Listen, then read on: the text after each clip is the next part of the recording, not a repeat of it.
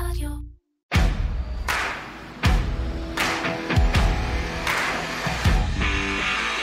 טיק טק, Landing Your Next Job in Tech, הפודקאסט של ITC.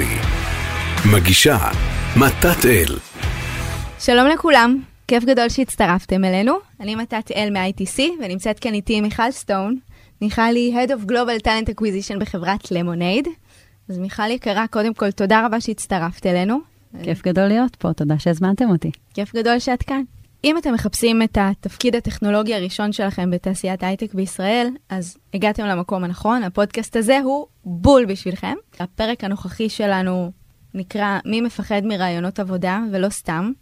כולנו יודעים שהתהליך הזה יכול להיות uh, טיפה מלחיץ, מאתגר, מפחיד, מעורר uh, חשש די טבעי, יש לציין, כי אנחנו בעצם נבדקים, נבחנים.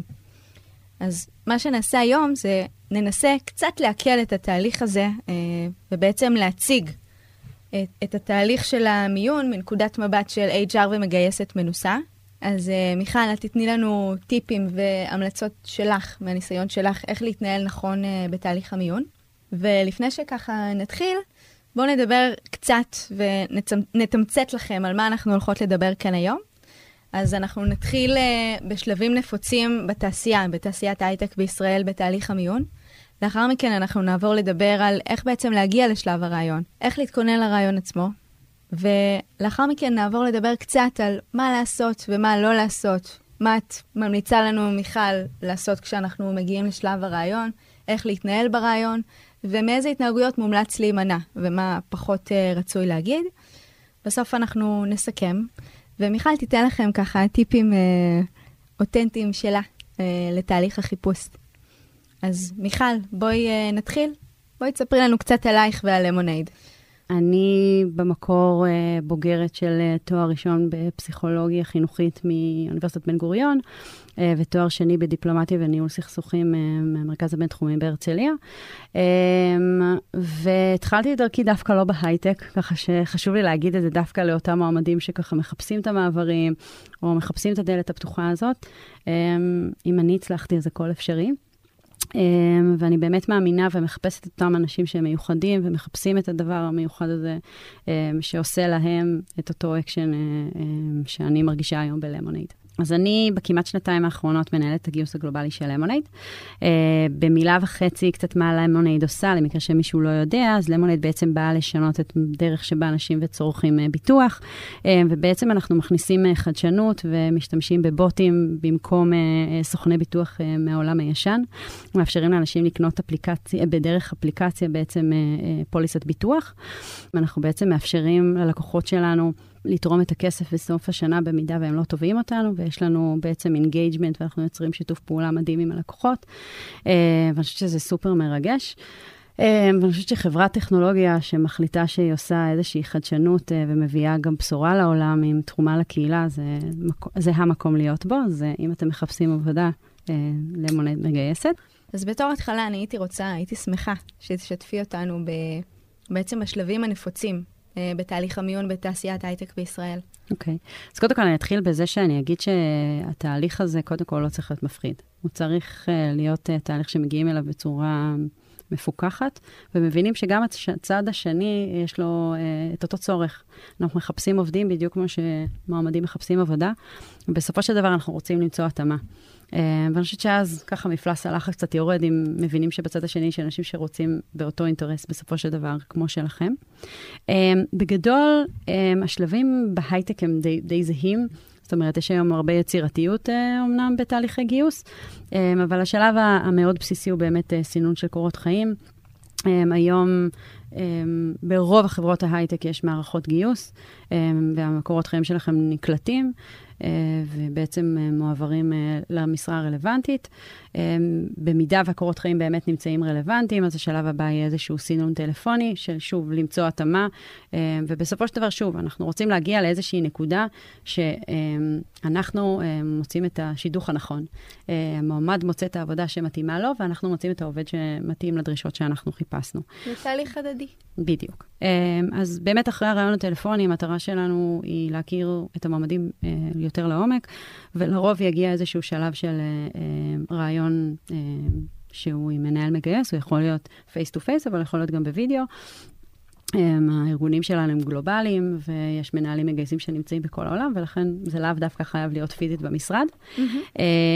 בחלק מהחברות, אה, ב Lemonade, אה, ביניהם יש איזשהו שלב אה, של משימה, של challenge, שבעצם אנחנו רוצים לבדוק קצת skills וקצת לתת הדגמה מחיי היום-יום של אותו התפקיד. Mm-hmm.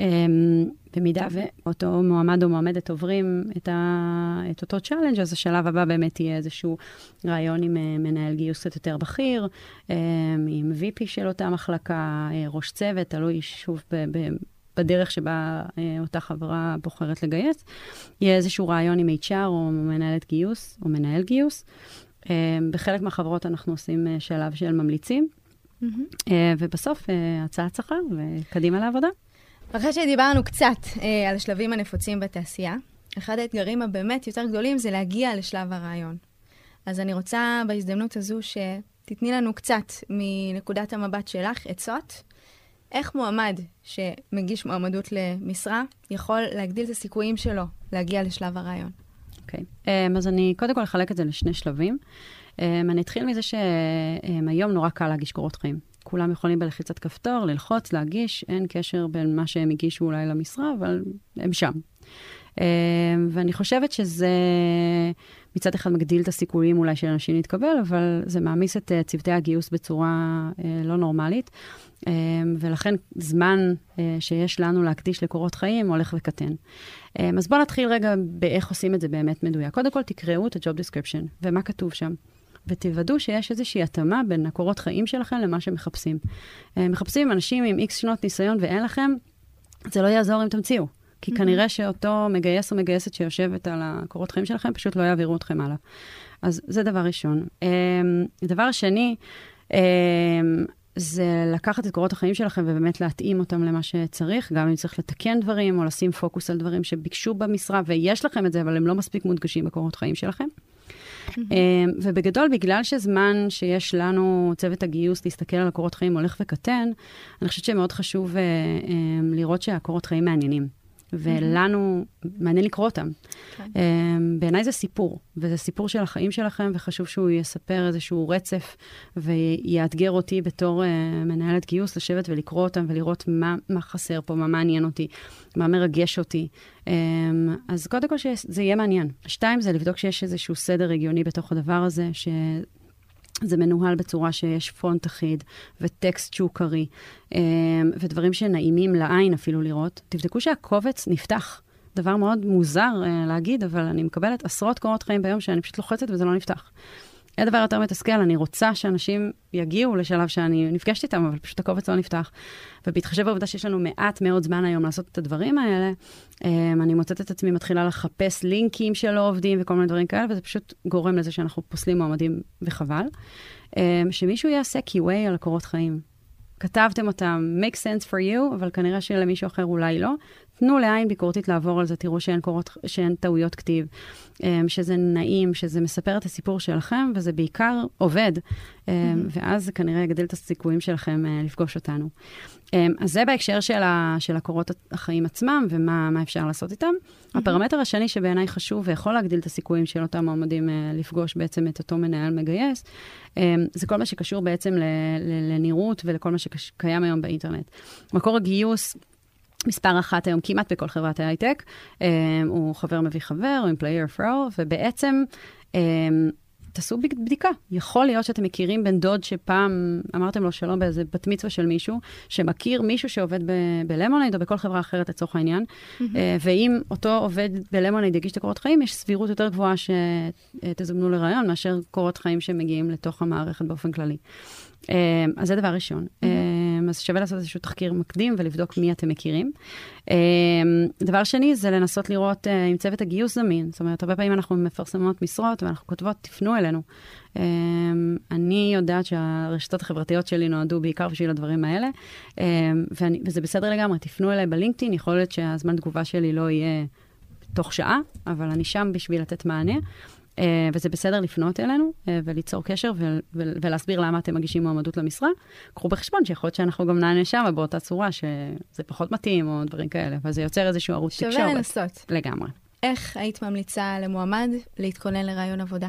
טוב, זו שאלה אה, שנורא קשה לי איתה, כי אני תמיד, אה, כשמתקשרים להתייעץ איתי מה לעשות, ויש לי רעיון עבודה, אז אני אומרת, תהיו אתם. אה, ואני מאוד מאמינה בזה. מבחינתי זו שיחה שהיא לגמרי היכרות, אני רוצה שהם יכירו אותי, ושהם יכירו את למונד ומה אנחנו עושים, כי אמרתי מקודם, מבחינתי זה תהליך שהוא הדדי. מחפשים עבודה בדיוק כמו שאנחנו מחפשים עובדים. ולכן המקום הזה צריך להיות נורא אותינטי. אבל, כן, יש כמה דברים שאני הייתי רוצה שמועמד שמגיע יעשה. נורא קל היום לעשות תחקיר על החברה שאתה הולך להגיע אליה. גוגל, שלום, כותבים את שם החברה ומתחילים לקרוא. אמ, ולחברות אה, מוצר, יש גם אפליקציה או איזשהו מוצר שאפשר להתחיל להתנסות איתו, אז קצת להכיר את המוצר לעומק, לעשות ממש תחקיר. אמ, ללמונייד יש אפליקציה שאפשר להוריד, יש לנו אה, אתר מדהים, יש לנו בלוג, יש לנו אה, אינסטגרם מעורר השראה, הרבה מאוד דברים שאתה יכול ללמוד מהם המון על החברה, על, על, על, על, מאחורי הקלעים של מה שקורה, ולשאול גם שאלות אחר כך ענייניות אה, בתוך הריאיון עצמו, שיכול לתת לך extra point. אז, אז תחקיר כזה הוא אולי הדבר הראשון והבסיסי שצריך לעשות. זה קונה אותך. אה, לגמרי. אה, אני חושבת שזה כאילו basic. אה, mm-hmm. יש היום המון כלים שנותנים לך עוד מידע. זאת אומרת, uh, uh, שאתה יכול לקרוא reviews וצרות בהייטק וכל מיני מקומות כאלה שאתה פשוט יכול uh, לעשות תחקיר שהוא גם לא ב front page כאילו, כן. ולא באמת בזה. זאת אומרת, יש הרבה מאוד דברים שאתה יכול לאסוף את המידע. וגם כאן, התחקיר שעשינו בשלב הקודם לגבי חברים שמכירים, זה היה שלב להתחיל לשלוף אנשים. מי מכיר מישהו שעבד שם, היה שם בריאיון, מה הוא אומר. מה הוא מספר, איך אפשר ללמוד קצת יותר ולהתכונן. אני חושבת שזה הדבר הכי הכי חשוב, כי מזה אפשר לצאת לדרך. זאת אומרת, זה קצת כמו שאנשים היום מגיעים לדייטים ובודקים קצת פייסבוקים וזה, אני לא, אני לא שם כבר הרבה שנים, אבל נראה לי שזה מה שאנשים עושים היום.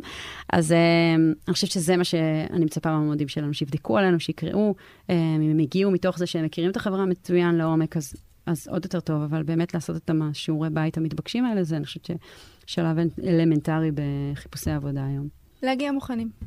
לגמרי. בואי נדבר uh, קצת על uh, שאלות קשות, על שאלות מורכבות. אז בואי תגידי לי לאיזה תשובות את מצפה. בואי נתחיל נגיד מהשאלה הראשונה. כשאת שואלת, למה אתה מעוניין בתפקיד? למה דווקא לך מגיע להיבחר לתפקיד? לאיזה תשובות את מצפה? בגדול, אני רוצה שזאת תהיה תשובה אמיתית. אני רוצה לדעת למה data scientist מתעורר בבוקר וזה מרגש אותו. אה, אני רוצה לדעת למה מפתח backend אה, מתרגש מאותו קוד שהוא הולך לרשום. אה, וכל אחד התפקידים האחרים שאנשים קמים בבוקר. אני יודעת מה מדליק אותי בתור HR ומנהלת גיוס, מה מרגש אותי בלקום בבוקר, ואני, ואני רוצה שאת מה... שמרגש את הבן אדם שיושב לידי, אה, הוא יהיה מסוגל להעביר. ואם בן אדם יכול להסביר לי את זה בכמה משפטים פשוטים, אה, אז, אז, אז זה מספיק לי. רוב המועמדים שבאמת אוהבים את מה שהם עושים, נורא קל. אה, זו שאלה שהיא שאלת בונוס, מה שנקרא. לבוא עם פשן לתפקיד. לגמרי. כששואלים, איפה אתה רואה את עצמך בעוד חמש שנים? מה התשובה ש... שמצפים לשמוע? אני חושבת שהיא שאלה על הגבול הלא פיירית ב-2019. Um, אני לא יודעת אם את יודעת להגיד מאיפה תהיה עוד חמש שנים. Um, אני חושבת ש... Um, אני רוצה לראות את אותה אספירציה ואת אותו פשן שראיתי מקודם.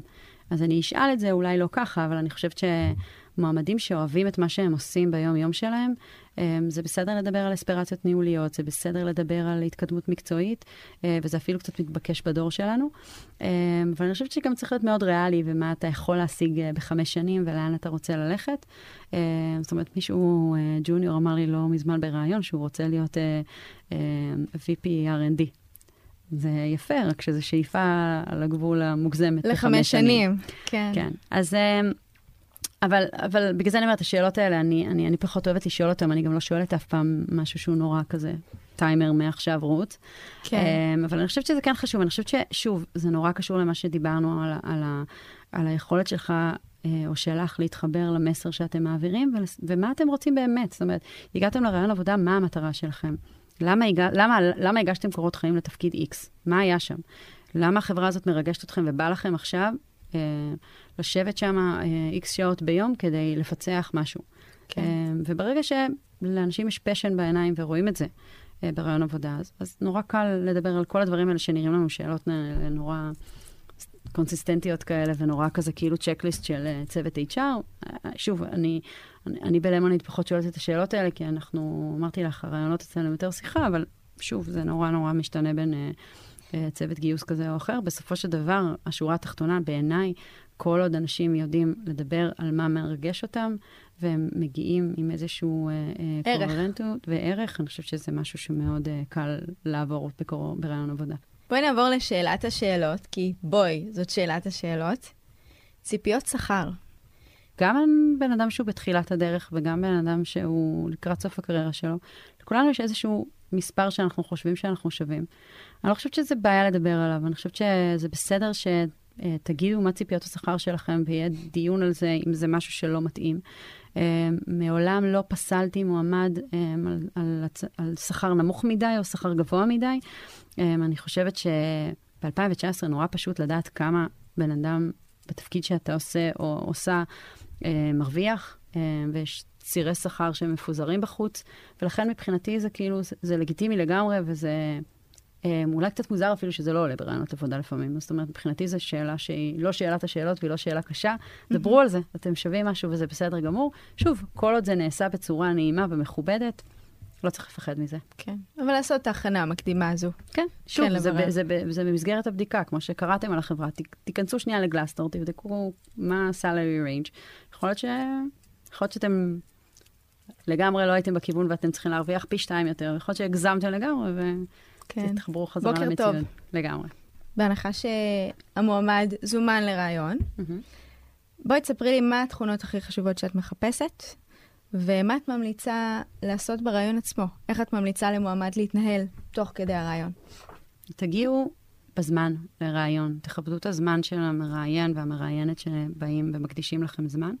תגיעו לבושים בצורה מכובדת, אה, תנסו להבין מה הדרס קוד, יש מקומות שצריך לבוש פורמליים, יש מקומות שכאילו כפכפים וטישרט זה, זה הדרס קוד, ואם תגיעו עם חולצה מכופתרת זה קצת יראה מוזר. תכבדו את המעמד שאתם נכנסים אליו ולסיטואציה.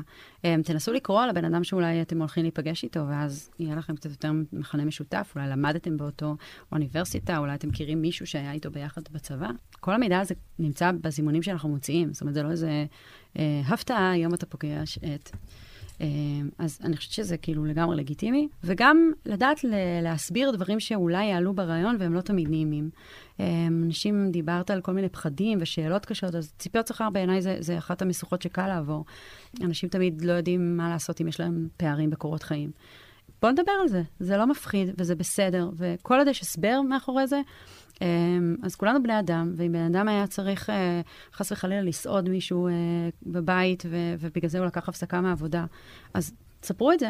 אמ, אם החלטתם שבא לכם לטוס, לטוס לדרום אמריקה כי לא שבעתם משלב הטיולים, דברו על זה. לא, לא, כאילו, הכי לגיטימי בעולם מבחינתי. אני רוצה לדעת למה הדברים האלה קרו, וגם נושאים שהם פחות אה, כאילו סקסיים כמו טיול אה, בחו"ל, אה, גם דברים של, אה, של, אה, שפיטרו אתכם ממקום העבודה. זה לגיטימי, זה, זה לא נעים שזה קורה, ולפעמים אתה מגיע לחברה ולא היה לך טוב בה, ולאו דווקא זה חייב להיגמר בפיטורים, אבל יכול להיות שמישהו עבד בחברה והשתנה משהו בדינמיקה, והשתנה משהו ברודמאפ, והשתנה משהו בצוות. כל כך הרבה דברים קורים, וזה נורא נורא דינמי. זה בסדר להסביר למה אתם עוזבים, או למה הוא עזבתם. בסופו של דבר כולנו בני אדם, ואני, בתור מי שמנסה אה, להכיר אתכם קצת יותר לעומק, רוצה להבין מה קרה שם. בסופו של דבר זה הכל. אה, ואני אה, לא חושבת שבן אדם שפוטר ממקום עבודה אחד, אה, יהיה עובד גרוע גם בעובד, בעבודה הבאה שלו. יכול להיות שהיה שם משהו. אם זה משהו קונסיסטנטי שבאופן שיטתי אותו מועמד פוטר מ, לא יודעת, חמש מקומות עבודה ברציפות, הייתי מרימה גבה, הייתי בודקת, בשביל זה יש שלב גם של ממליצים, אנחנו מכירים. כן. אמ, אבל בסופו של דבר, גם בן אדם, ואני יכולה להגיד לך שיש לי, פגשתי לאורך הקריירה שלי לא מעט אנשים ש, אה, שפיטרו אותם, אמ, והם אנשים הכי מוכשרים והכי מדהימים שאני מכירה, אה, ופשוט היה להם bad luck, וזה בסדר. וגם הרבה פעמים אנשים עושים בחירות קריירה לא נכונות. כל עוד אתם יכולים להסביר אה, מה קרה שם אה, בביטחון ובצורה מנומסת ונעימה, אין לנו מה לפחד, ולהפך, אני אעריך הרבה יותר דברים כאלה מאשר שסיטואציה שאני אשמע ממישהו או שמכיר או משהו כזה, שסיפר לי, אה, ברור, הוא היה בלתי נסבל, או, או פיטרו אותו, דברים כאלה, שאני לא חוויתי חוויה כזאת. בואי תספרי לי על טעויות נפוצות של אה, מועמדים בתהליך. איזה דברים את ממליצה שלא לעשות, על איזה דברים לא לדבר. והנה, אנחנו כבר נמשוך את זה מעניין הסיום העסקה, נקרא לזה ככה, סיום העסקה שלא בטוב. שוב, אני חושבת שאפשר לדבר על הכל ברעיון עבודה, אבל כל עוד עושים את זה בצורה חכמה. Um, אני חושבת שגם אם פיטרו אתכם ממקום העבודה שלכם, צריך לדבר על זה בצורה רגישה ונכונה. זאת אומרת, לא להכפיש uh, מקום עבודה ולא לדבר בצורה פוגענית uh, על מעסיקים קודמים שלכם, גם אם בפנים זה uh, חתיכת צלקת ומקום מאוד מאוד לא נעים. אבל אני חושבת שברגע שבן אדם מבין איפה האבנים הגדולות של הקריירה שלו, מה מדליק אותו ומרגש אותו בלקום בבוקר לעבוד, אז אני חושבת שהרבה יותר קל לשים את הפוקוס הזה ברעיון, ולא איזה אה, אפיזודה איזוטרית עם איזה מנהל שהדברים שם לא צלחו. אה, למרות שלנו יהיה נטייה כן לחפור במקומות האלה. אה, אני חושבת שאנשים שמסוגלים להסתכל על הדברים שבאמת משמעותיים בתוך הקורות חיים שלהם, יצליחו להסיט את הדיון ממשהו שהוא יחסית אה, אה, איזוטרי, ובמיוחד אם זה משהו היה באמת נקודתי ולא איזה משהו שהוא קונסיסטנטי. פשוט לדעת להסביר מה קרה שם. לגמרי. ולקחת את האחריות. מיכלי, בלי לשים לב, אנחנו הגענו לסוף. לא יאומן שזה קרה. לא יאומן, היה לי... שוב, אני אגיד, את כבר יודעת שכיף לי איתך, תמיד כיף לי איתך. קנה, זמן טס שנהנים. ממש. ובואי, אני רוצה שנסכם קצת על מה דיברנו היום. דיברנו על כל סוגיית האותנטיות, וכמה חשוב להיות אנחנו כשאנחנו מגיעים לרעיון, ולא לא לנסות לייצר תדמית שהיא לא מדויקת לנו ושהיא לא אנחנו. זה דבר ראשון. ולהגיע מוכנים.